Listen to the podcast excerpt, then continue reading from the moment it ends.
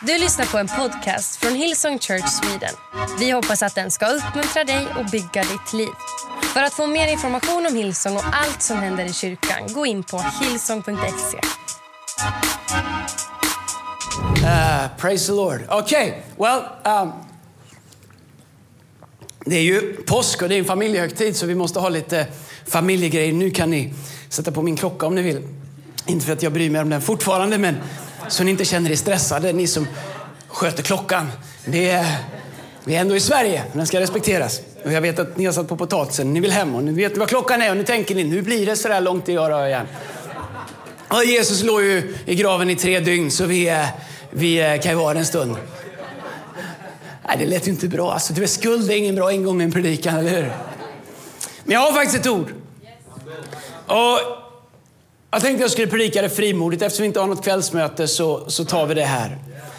Uh, I Lukas kapitel 24. Om du vill ha en titel på dagens predikan så heter den Bakom varje jätte finns en seger. Uh, I Lukas kapitel 24, vers 1 uh, eh, så står det så här. Mycket tidigt på morgonen, efter sabbaten i gryningen, gick kvinnorna till graven med oljorna som de hade gjort i ordning. Där fick de se att stenen var bortrullad från gravöppningen. Och när de gick in i graven kunde de inte hitta Herren Jesu kropp. De visste inte vad de skulle tro. Då stod där plötsligt två män i skinande vita kläder. Kvinnorna blev förskräckta och bugade sig djupt. Men männen sa, varför letar ni efter en levande bland de döda? Han är inte här. Han har uppstått. Kommer ni inte ihåg vad han sa till er? Då han fortfarande var i Galileen. Att människosonen måste överlämnas till syndiga människor och korsfästas och uppstå på den tredje dagen. Eh, jag tycker att det här bibelordet är så fascinerande. Det passar ju att läsa idag såklart. Det är väl svårt att börja någon annanstans den här dagen på året. Men jag gillar när änglarna säger, varför söker ni efter en levande bland de döda? Det kan ju verka vara en konstig fråga. När de som söker vet vart de la honom. Och vet vart stenen rullades för. Ändå för änglarna så är det så uppenbart att det Gud har sagt, det kommer alltid att bli. Det fanns liksom inget kanske, eller eventuellt, eller senare, eller någon gång. Så deras fråga är genuin.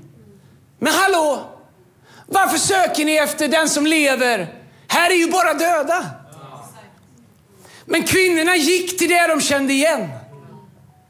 Kvinnorna gick till det de var vana vid. Kvinnorna gick till det logiska. Där man hade lagt Jesus. Där de hade sett honom senast. Där som han hade varit sista gången de såg honom. Det var där de lämnade honom. Det var där de hade lo, lo, äh, liksom, äh, sett att han var. Och nu när de ville betjäna honom eller vara hos honom så gick de dit, det de kände till. Jag har predikat den här texten massa gånger och läst den och hört den i snart 48 år. Men när jag läste det här i veckan så tänkte jag, varför söker jag så ofta efter det levande jag behöver bland det som är dött? För det kan verka uppenbart när det är Jesus. Men när det kommer till det i våra liv. Varför söker vi efter det som är liv? Alltså det vi behöver ifrån Gud. Det Gud har lovat. Våra saker vi behöver. Vishet, vägledning, helande, befrielse. Nästa steg, öppna dörr, bekräftelse, Guds med vad det än är. Råd med våra äktenskap, med våra barn, med våra karriärer, allt vad det är. Varför söker vi så ofta efter det levande vi behöver? Bland det som är dött. Kan det vara så att det är enklare för oss att gå till det vi känner igen? Det vi känner till. Där det senast funkade. Där som alla sa att det är ju där han är. De vägar och de tankar. Det resonemang och de principer som alla är överens om. Det var här vi la Jesus. Alltså måste det vara här han är. Så glömmer vi att Jesus hade sagt, jag kommer dö, men jag kommer uppstå på tredje dagen. Min vän, var vi än är i livet, vad vi än går till, vad vi än går igenom, vad vi än behöver, så kommer vi bara hitta Gud när vi söker den levande bland det som är levande. Och så ofta söker vi liv bland det som en gång hade liv.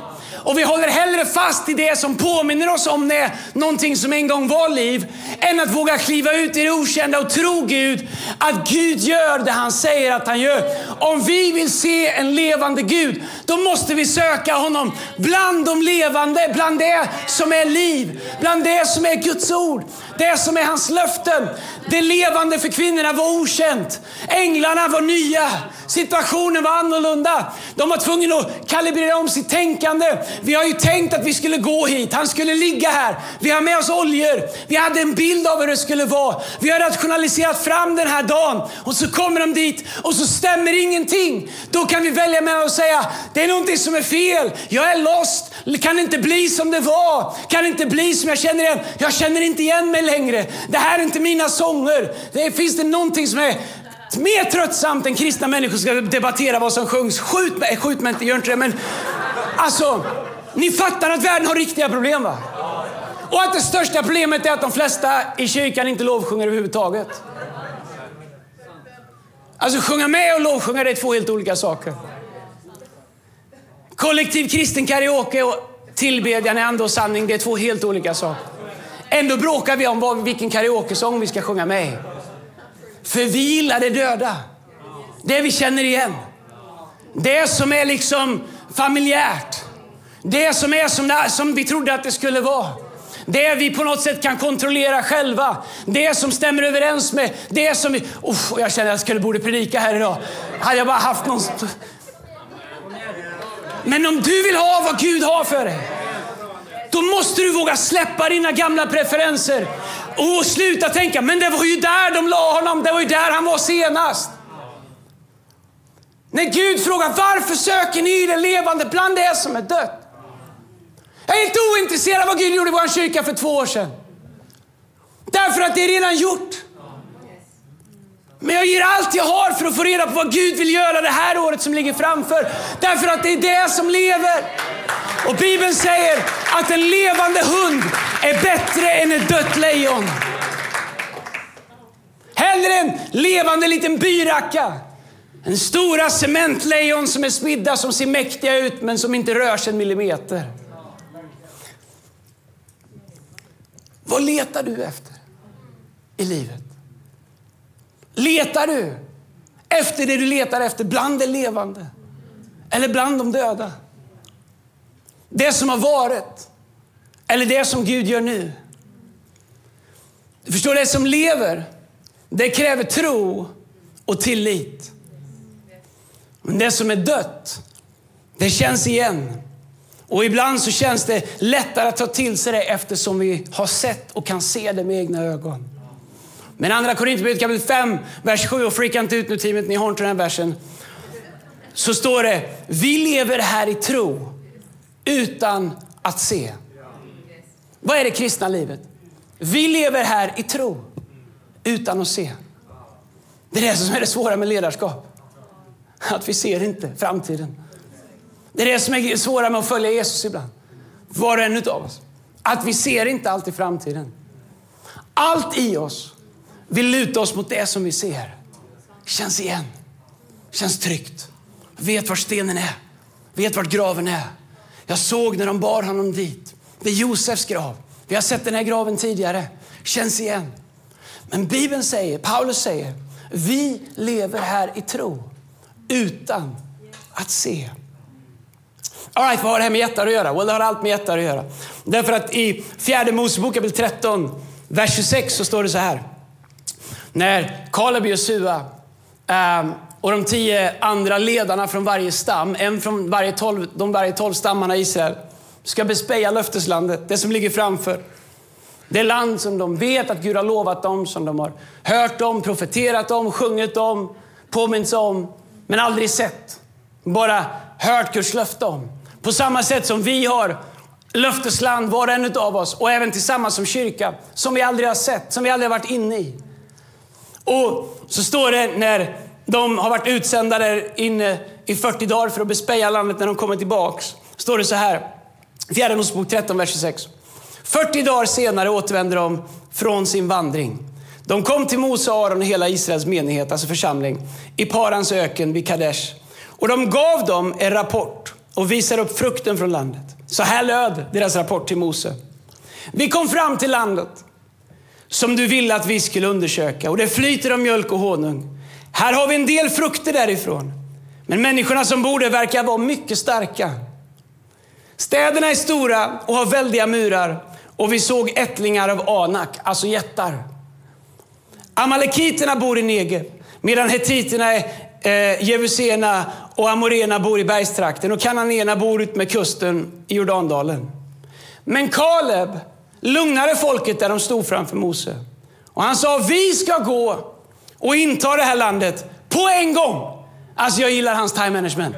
Vi går nu. Alltså jag hade varit med Kaleb. Vi kan göra det, sa han.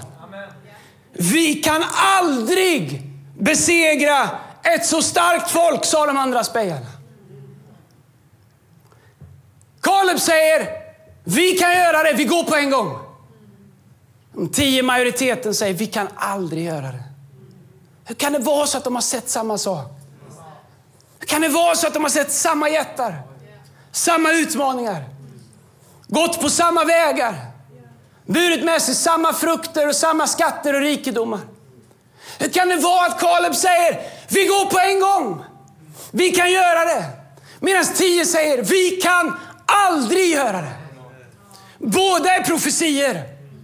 Båda profetierna får rätt om man följer dem.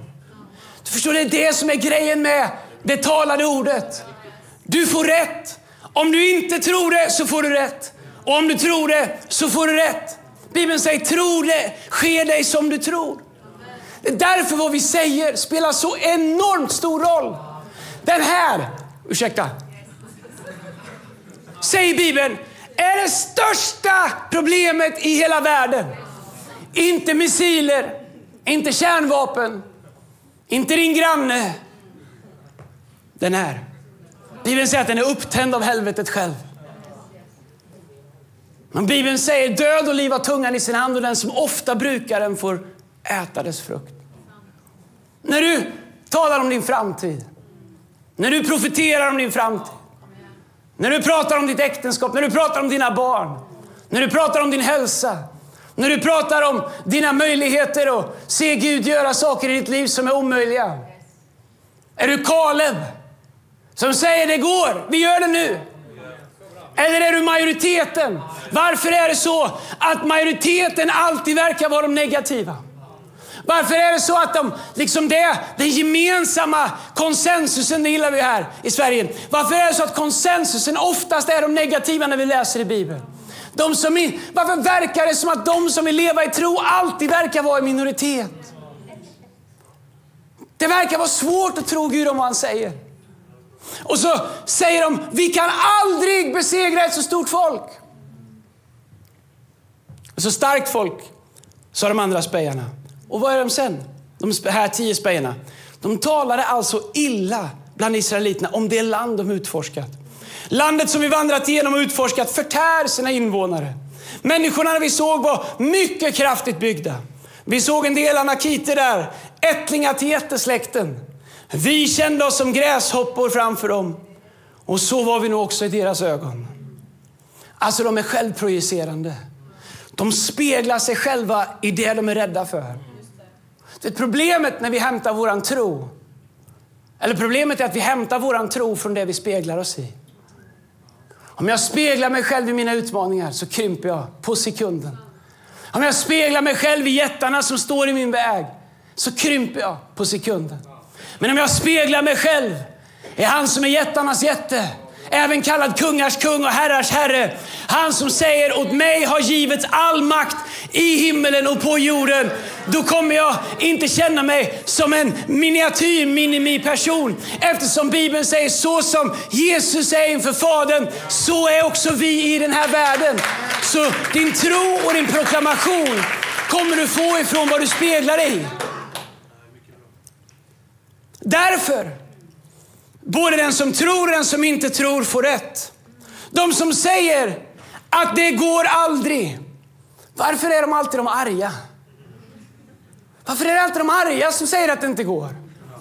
Varför är det alltid de som inte vill göra det arga på de som försöker göra det? För jag uppfattar faktiskt att det är mycket mer ovanligt att de som försöker göra det arga på de som inte vill göra det.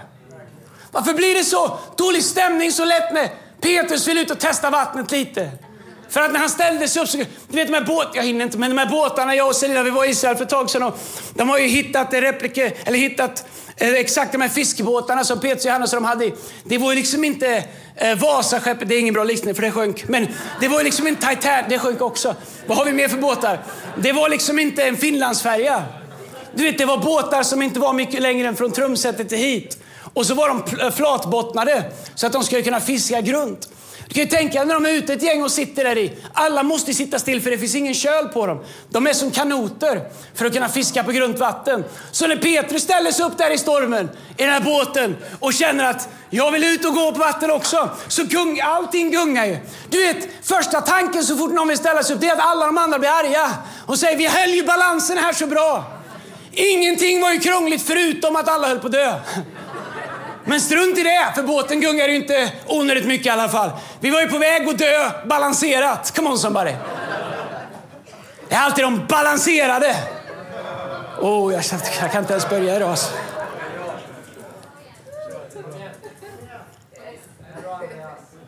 Varför är det alltid de balanserade som blir så arga när någon ställer sig upp och vill prova? Och varför är det alltid de som säger när han som gungar båten och ställer sig upp och tog några steg Fick inte en kallsupa men fick hålla i frälsarens hand. Varför är det de sa? Det var ju det jag sa! Du skulle ha suttit ner! Förlåt Småland, nu blev det fel igen. Det var inte meningen. Men grejen är den här.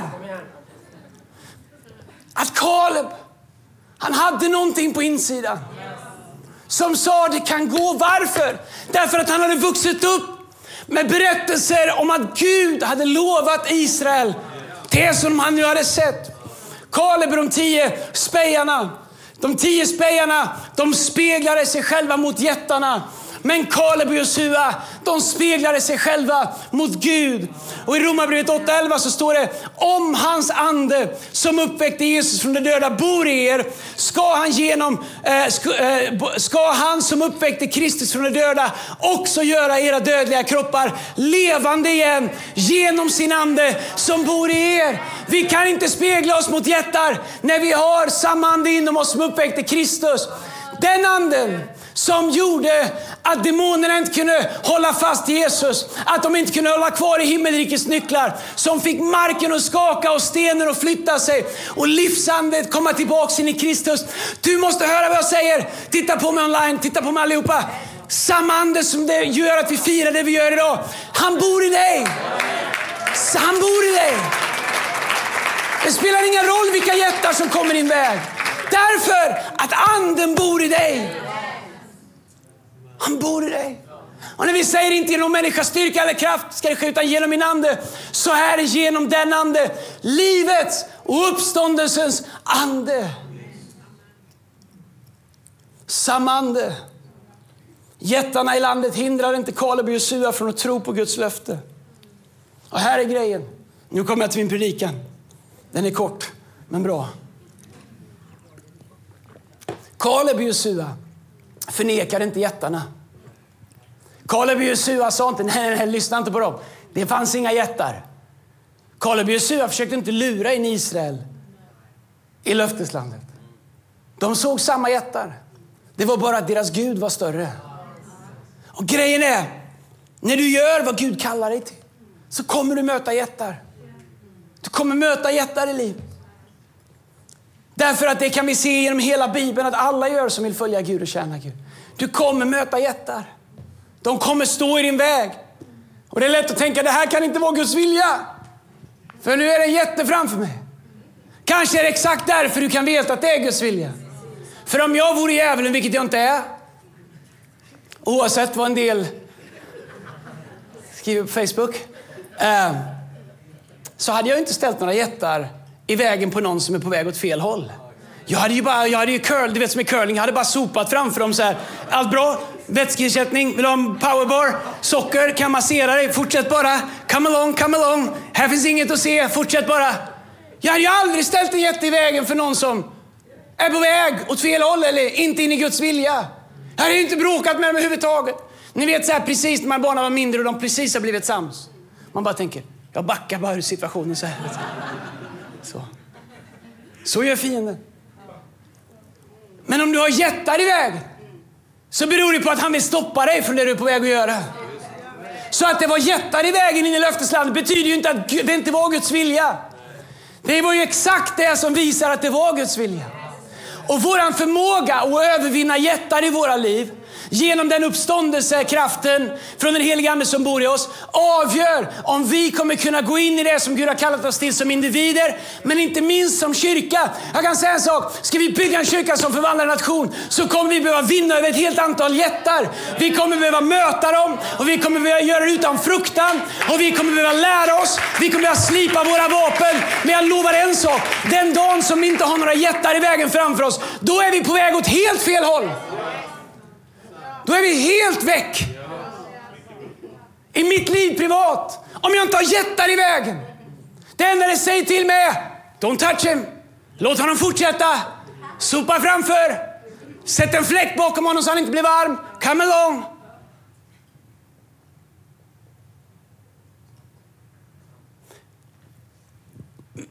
Men bakom varje jätte finns alltid en seger. Och den som vill vinna seger måste lära sig att besegra jättar. Måste lära sig att spegla sig i Gud. Måste söka den levande bland de levande och inte gå tillbaka till det som är dött. Du vet fjärde Mosebok kapitel 14, bara några kapitel, några kapitel senare så säger Gud så här, vers 24. Men i min tjänare Kaleb är en annan ande. Och han har i allt följt mig. Därför ska jag föra honom in i det land där han nu har varit och hans avkomlingar ska ta det i besittning. Faktum är att Mose och Aron vågar inte lita på Kaleb och Josua och de vågar inte gå in i landet. Vet du vad det gjorde? Det gjorde att Mose och Aron och hela den generationen dog i öknen. Gud var tvungen att vänta ut hela den generationen som inte ville ta sig an jättar. Han var tvungen att vänta ut tills Mose-generationen var död. Och tills Kaleb-generationen var de dominerande. De som ville ta sig an jättar. Vet, jag är 48 år, jag har precis börjat andra halvlek och den kommer vara lång. Det är övertid och golden goal och allting möjligt i min kallelse hoppas jag. Men grejen är, inte en dag tänker jag leva så att Gud behöver vänta ut mig för att nästa generation ska få vad Gud har lovat. Jag ska vara en Kaleb-generation även fast jag är gammal. Jag vill inte fortsätta att söka de levande bland det som är dött, bland det som var, bland det som en gång funkade, bland hur det var förr. Jag vill ha en Kaleb-spirit. Jag vill se som Kaleb, jag vill ha en annan ande. Och det har inte med ålder att göra, det har inte med preferenser att göra. Det har med våran ande att göra. Jag vill ha en annan ande som fortsatt är beredd att ta sig an jättar. Som fortsatt är beredd att se amalekiterna i ögonen när de är tre meter långa och säga du kommer emot mig med svärd, spjut och lans, men jag kommer emot dig Herren Sebaots namn och du ska bli en munsbit som David sa till Goliat. Därför, inte för att vi är bättre, men för att vi har den här uppståndelseanden, en annan ande i oss. Någonting annat. Någonting mer än oss själva. Vår ande ger oss seger. Inte om vi får möta jättar eller inte. Petrus han vek ner sig en ung flicka, inför en ung flicka och förnekar Jesus. Han vek ner sig. Men efter han hade fått göra comeback, älskar Petrus. Lite snabb, lite svajig, men han är comebackernas man. Spelar ingen roll om han håller på att sjunka han går på vatten eller han förnekar lite eller så här. Men Petrus, han svajar inför en ung tonårstjänsteflicka. Men när han blev fylld av den här anden jag pratar om, då ställde han sig inför samma crowd som hade ropat korsfäst Jesus, frie Barabbas. Han ställde sig inför samma crowd som hade spottat på Jesus när han gick upp för Via Dolorosa. Han ställde sig inför samma crowd som hade hurrat när de korsfäste Jesus. Han ställde sig inför samma crowd som han hade varit så rädd för när de korsfäste Jesus att han hade sprungit och gömt sig. Frimodigt ställde han sig inför dem. Och så säger han, detta var verkligen Messias. Han ni korsfäste. Alltså han är så bold. Han är, så, han är liksom så frimodig. Han som svajade på manschetten, nu fylld med den här uppståndelseanden. Han fejsar sina jättar rakt i ansiktet och han säger, han som ni korsfäste, han var verkligen Guds son. Och så blir 3000 män plus kvinnor och barn frälsta utav dem som några dagar tidigare korsfäste Jesus. Vad är skillnaden? Uppståndelseanden. En annan ande. Livets ande. Han hade börjat söka det levande bland de levande istället för bland de döda. Men det här är ett val vi måste göra varje dag och om igen. Om vi ska våga ta oss an jättar. Så står det så här i Josua. Vad som hände med Josua? Jag ska avsluta med det. Josua kapitel 1, vers 1, så står det så här till 3. När Herrens tjänare Mose var död talade Herren till Josua, Nuns son, som hade varit Moses medhjälpare. Min tjänare Mose är död.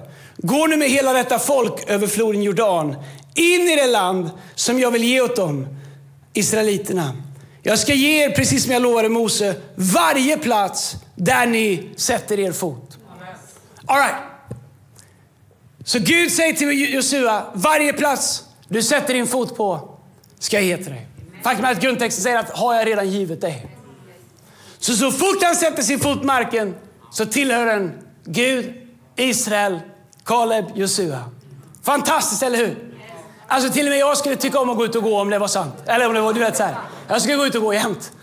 Jag gillar inte att gå om jag inte ska någonstans. Min fru gillar att gå, jag gillar inte att gå. Så vi, vi, eh, vi har en kompromiss. Eh, vi åker bil. Nej, jag skojar bara. Vi är. Men Josua, varje plats han sätter sin fotboll ska han få. Det låter ju underbart. Men vet du vad berättelsen verkligen är? Vet du hur storyn går? Gud lovade Josua landet. Men innan Gud kunde uppfylla det så var Josua tvungen att slå och vinna över 31 kungar. Så sa, talade Gud sanning eller inte? När han säger hej, bara sätt din fot där så jag har givit det till dig. Så tar han första steget, så kommer han dit och så säger hej, det är en stor kung här med en stor armé som försöker döda mig. Vad hände Gud? Han säger, jag har gett det till dig, allt du behöver göra nu är att vinna över jätten. Josua bara, du sa inget om jättar. Och jag sa inte att de inte var det heller. Jag sa bara att jag redan gett det till det. Nu får du välja, ska du tro mitt ord och slå jätten? Eller ska du vara rädd för jätten och backa ur mitt ord? Det vi behöver förstå det är att Guds löften innebär inte en frisedel från jättar eller en frisedel från utmaningar. Vi kommer möta jättar, vi kommer möta kungar som vill döda oss. Men om Gud har sagt någonting, om de levande är bland de levande, då har Gud redan givit oss segern. Och vi måste bestämma oss om vi ska spegla oss mot vad Gud har sagt eller om vi ska spegla oss mot jättarna och, och anpassa och göra om våra liv, vår teologi, vår bekännelse, våra förväntningar. Här är grejen, jag ska läsa många bibelställen idag nu. Håll ordning på det här. Därför att det här är vår roadmap till att se Guds löften i våra liv. Så grejen är, Gud säger till Josua, sätt bara din fot där. Så är det ditt. Okej, okay. hur gick det då för Josua? Är du redo? Josua kapitel 12, vers 1. Här följer en förteckning över de kungar som Israel besegrade öster om Jordan och vars områden de intog från dalen vid floden Arnon till berget Hermon och hela östra Jordandalen. Okej. Okay. Amoriernas kung Sikon som bodde i Heshbon vars kungarike sträckte sig från Arora, äh, Aror vid floden Arnons strand, från mitten av floddalen till floden. Jabbok är gräns mot Ammon. Detta omfattar hälften av Gilead. Sikon kontrolleras och också östra Jordandalen till östra stranden av Genesaretsjön eh, och östra sidan av Döda havet mot Bet Hashimot och söderut vid sluttningarna upp mot bergsområdet. Så då vet vi ungefär vart det är. Israel. Galileiska sjön känner vi igen från Jesu undervisning. Döda havet känner vi också igen. Så det här är ju Israel. Det här är ju landet som Gud har lovat dem. Och så står det så här. Så börjar han räkna upp kungar. Vers 4. Kung Og i Bashan, den sista av raféerna, bodde i Asharot och Edrei.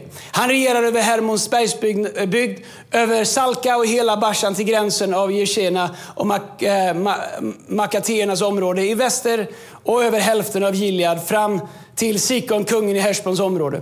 Mose, Herrens tjänare, israeliterna, hade besegrat dessa folk och Mose, Herrens tjänare, gav landet till Ruben och Gads stammar och ena hälften av Manasses stam. Här följer en förteckning över de kungar i landet som Josua och israeliterna besegrade på västra sidan om Jordan. Det land som låg mellan Balgad i Libanondalen och berget Halak som reste sig mot Seir och som Josua gav som egendom till stammarna i Israel. Bergsbygden, låglandet, Jordandalen, bergsluttningarna, öknen och Negev och de områdena som tillhör tillhörde hetiterna, amoreerna, kananéerna, perserna, hivéerna och jesuéerna. Det här är alltså de som de hade bespejat och kommit tillbaka och sagt det här kommer aldrig att gå. Men här är alla som han var tvungen att besegra för att se löftet fullbordat. Kungen i Jeriko, Kungen i Ai nära Betel, kungen i Jerusalem, kungen i Hebron, kungen i Jarmut, kungen i Lakish, kungen i Eglon, kungen i Geser, kungen i Devir, kungen i Geder, kungen i Horma, kungen i Arad, kungen i Livna, kungen i Adullam, kungen i Makeda, kungen i Betel, kungen i Tapak, kungen i Hefer, kungen i Afek, kungen i Sharon, äh, Sharon står det här, kungen i Madon, kungen i Hasor, kungen i Shimron Meron, kungen i äh, Akshaf, kungen i Tanak, kungen i Megiddo. Kungen i Kedesh, kungen i Jokneam vid Karmel. Kungen i Dor i Dorsbergsbud, kungen i eh, Goim vid Gilgal. Kungen i Tisha. Tillsammans var de 31 kungar. Så det Gud säger till Josua är, du har redan fått det. Gå in i det land jag redan har givit åt er. Men Josua är tvungen att fejsa 31 kungar innan han ser löftet fullbordat. Det jag vill säga med det, det är att Gud gav Josua det han hade lovat Josua. Men Josua var tvungen att besegra 31 kungar för att se Guds löfte gå i fullbordan. Så när du och jag möter jättar, när du och jag möter opposition, när du och jag blir prövade, när det känns som, som så, du vet så här, finns en gammal sång som heter Spärras din väg utav hinder så väldiga. Den kan inte, okej. Okay. Uh, det är inte det faktum att det reser upp någonting upp emot dig som avgör om det är Guds löfte eller inte. Utan det är våran förmåga att tro Gud. Gud gav Josua vad han lovade honom. Men Josua var tvungen att hålla fast, hålla ut och fortsätta kämpa. Och ibland så vill vi bara säga till oss själva, vi behöver hålla fast, vi behöver hålla ut och vi behöver fortsätta kämpa. Jag vet inte vilken kung vi är på i vårt uppdrag. Om vi är på tredje, eller trettonde, eller sjunde eller femtonde. Jag vet inte. Jag vet bara en sak. Om Gud har gett oss landet, då kommer vi fightas mot jättarna tills vi har vunnit över den sista och vi har sett Guds löften gå i fullbordan. Därför Gud ger inga löften som han inte menar att hålla. Och om vi kan bestämma oss för att samma ande som uppväckte Kristus från de döda bor i oss, då spelar det ingen roll om det är en, elva, 21, 31, 41, 101 kungar som vi måste gå igenom. Därför att Gud kommer ge oss kraft att vinna över det som vill spärra våran väg så att hans löfte kan gå i fullbordan. Och jag vill profetera det ut över ditt liv också. Över din situation, över ditt liv. Jag vet inte vad som händer, men jag kände så i natt när jag bad att du är här på våra campusar i norra, eh, i city, Örebro, Jönköping, Göteborg, Malmö, online vart ni än är. Vilken jätte som än reser sig upp emot dig. Var inte orolig. Större är han som bor i dig än allt som kan komma emot dig. Kaleb och Josua sa, de ska bli oss en munsbit. Han är med dig. Du kan slå det här. This too shall pass. Du har livets ande inom dig. Du har uppståndelsens kraft rinner i dina ådror. När marken skakade och stenen flyttades. När förlåten brast och Guds närvaro exploderade ut. Samma närvaro som skapade himmel och jord när Gud sa var det ljud. Den kraften bor i oss. Ändå så går vi runt som de tio spejarna och säger de är så stora. Vi är så små. Jag är så trött. Han är så pigg. Det är så svårt. De är så många. Hur ska det gå? Vad är Gud verkligen med mig? Kommer det funka? Kommer det gå? Kommer Gud hålla sin del? Vem är jag? Vem är du? Vem är jag? Vem är du? Vem är du? Vem är jag? Levande kärra. Jag känner mig som en gräshoppa, det tycker nog de andra också att jag är. Vi bara speglar oss i alla våra utmaningar. Kaleb Jesua, annan ande. Om Gud har sagt det, då kan han göra det. Om Gud har lovat det. Om Gud har sagt det. Om Gud har sagt att han inte ska överge dig så kommer han inte överge dig. Du kan ha stora jättar, men han som bor i dig är större. Vi kanske inte har en lokal i city och det står en stor demonisk jätte i vägen. Men gissa vem som är större. Gissa vem som har uppstått. Gissa vem som råder över himmel och jord, över allting skapat, över hela jorden och allting därpå. Det är Jesus Kristus som gör det. Och han kommer ge oss en lokal när det är dags och tills dess så kommer vi fortsätta att slakta jättar som står i våran väg. Tills Gud har gett oss det vi har, det han har lovat oss i city och i alla våra andra städer också. Det handlar inte bara om smartness, det handlar om det också. Vi ska göra allt vi kan av egen kraft. Men vet du vad vi måste förstå? Djävulen sätter ut jättar i vägen för oss därför att han vill inte att vi ska bygga, etablera Guds rike här på jorden. Han vill att vi ska krympa ihop i någon liten sluten Zoomgrupp som ingen hittar till. Så att han kan sopa våran lilla väg där vi inte stör någon. Men det är inte därför vi är här. Det är inte det jag har gett mitt liv till. Det är inte det vi har gett våra liv till. Att göra det med en värld som går förlorad. Med ett helt folk som Israels folk som inte har ett hem. På samma sätt kan vi se i vårt land ett helt folk som inte känner Gud. Som inte har hittat hem till Gud. Som vi ska leda. Och vi kan inte vara som de tio som säger vi är som gräshoppor, vi är så små, vi kan ingenting. Åh vad det är synd om oss, åh vad allt är svårt, åh vad allt är jobbigt. Vi måste vara Kaleb och Josua som säger Gud, ge oss en annan ande. Låt oss profetera till jättarna.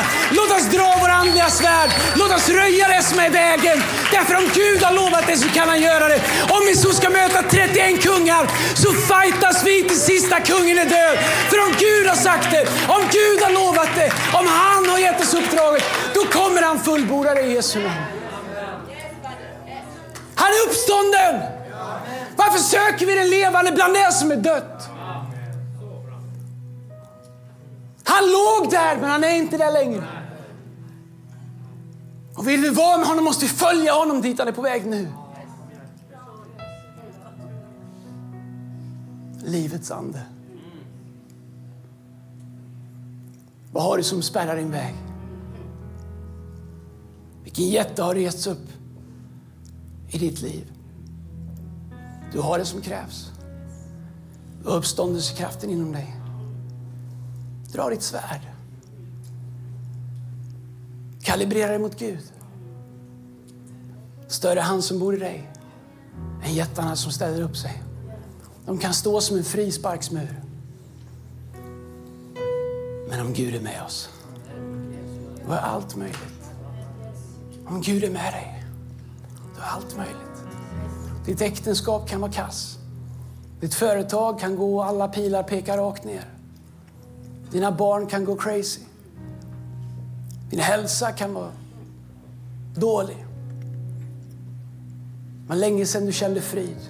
Jättar, jättar, jättar, jättar, jättar. Vi kan välja på att gå och dö i öknen. Eller så kan vi säga, kom om vi gör det nu. Vi kan ta dem. Gud är med oss. Han är för oss. Han bor ibland oss. Jag kan tänka mig ibland Jesus som besegrade dörren. Han sitter på sin tron allsmäktig. Säger åt mig, jag har givits all makt i himlen och på jorden. Och så ser han oss som har tillgång till allt det. Som kämpar i egen kraft.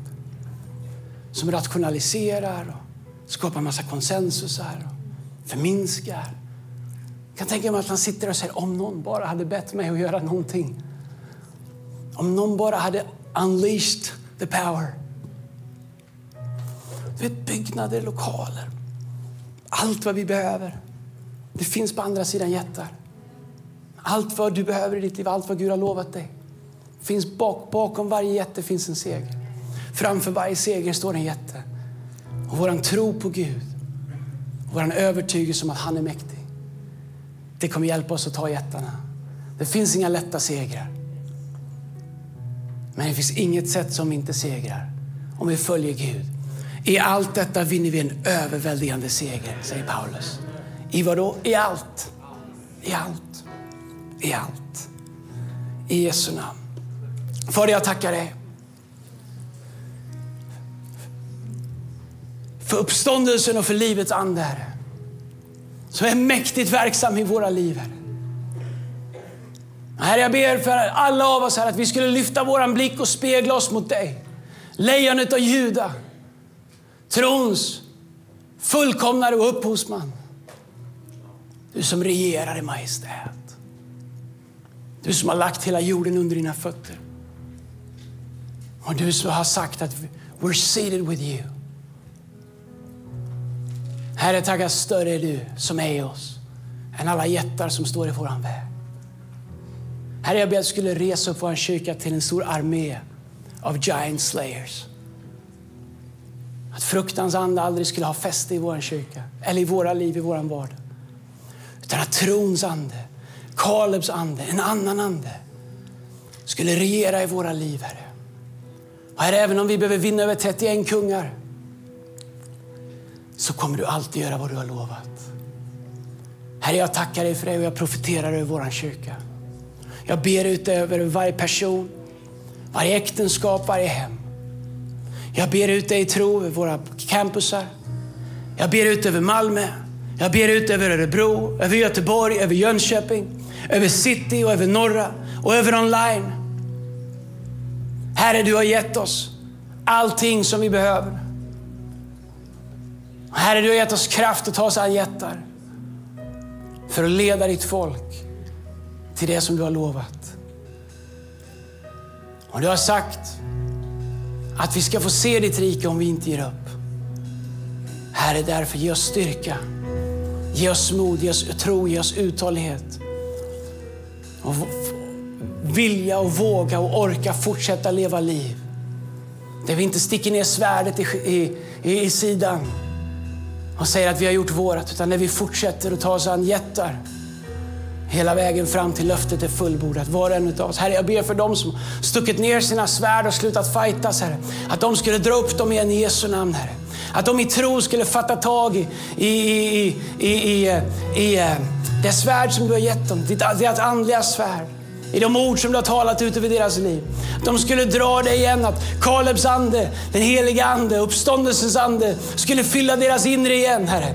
Att kallelse skulle komma tillbaks, att uppdrag skulle komma tillbaks, att människor skulle inta sin plats i din armé, inta sin plats i ditt rike som du har kallat oss till igen. Där vi har luckor, Herre Jesus. Jag ber att du kallar människor tillbaks igen. Herre, jag ber att du skulle lägga en hunger och en längtan, Herre. För jag bara ber utöver våran kyrka. Herre, jag profeterar utöver våran kyrka, över alla dem, Herre, som har tagit en paus, Herre, oavsett vad det är. Det spelar ingen roll. Men Gud kallar på människor här idag igen. Jag hör det och jag ser det. Jag vill säga Gud kallar på dig. Du är inte klar, din fight är inte klar. Vi är inte, det är inte så att vi inte har behov av det längre. Och jag vill säga Herren behöver dig. Fatta tag i ditt svärd. Fatta tag i din sköld och ta din plats i Guds uppdrag. Därför att Gud kommer leda oss till seger och Gud kommer göra vad han har lovat i våra liv och i våra städer i Jesu namn. Halleluja Jesus. Herre, jag ber att vi skulle vara en kyrka som söker det levande bland det levande, Herre. Att allt som är dött, Herre, Herre, att vi inte skulle sminka över det. Att vi inte skulle fightas för att hålla kvar det. Herre, det som har vissnat, det som inte bär frukt, skär bort det, beskär det, ta bort det. Gör av med allting Gud, så att vi kan fokusera och leva bland det som är levande i Jesu namn, Herre. Var det än är, var du än leder, vad du än kallar oss till, Herre. Jag prisar dig för att jag är dig. Herre, jag tackar dig. Och jag vill säga, Herre Jesus, jag vill tala ut med Andens kraft, Herre. Med Kaleb och Josuas ande. Låt ditt rike komma, Herre. Låt oss få se ditt rike bryta fram. Herre, visa oss ett move of God. Visa oss en väckelse som vi aldrig har sett. Det vi har bett om, det vi har drömt om. Herre, låt hundratals, tusentals, tiotusentals människor vända sig till dig, Herre. Herre, låt oss få se dina gärningar. Låt oss få se din mäktiga hand. Låt oss få se ditt rike komma, Herre. Låt oss få se ditt, din vilja ske, Herre. Herre, som det är i himmelen. Herre, låt det invadera jorden, Herre Jesus. Med samma kraft, Herre, som du skakade platsen där Jesus låg, Herre. Låt den kraften fylla våran kyrka. Låt den fylla våra liv. Låt den fylla våra vardagar, Herre. Herre, låt den ta över oss, Herre, så att vi kan leva och ledas av livets och uppståndelsen och kraftens ande i Jesu Kristi Nazarens namn. Vi ber i Jesu namn. Kom on på våra campusar ska vi stå upp och deklarera det här. Med allt vi har. Kom on, låt oss verkligen sjunga som en tro på det. Du har lyssnat till en podcast från Hillsong Church Sweden. Om du vill veta mer om vår kyrka eller om våra söndagsmöten surfa in på hillsong.se. Thank you.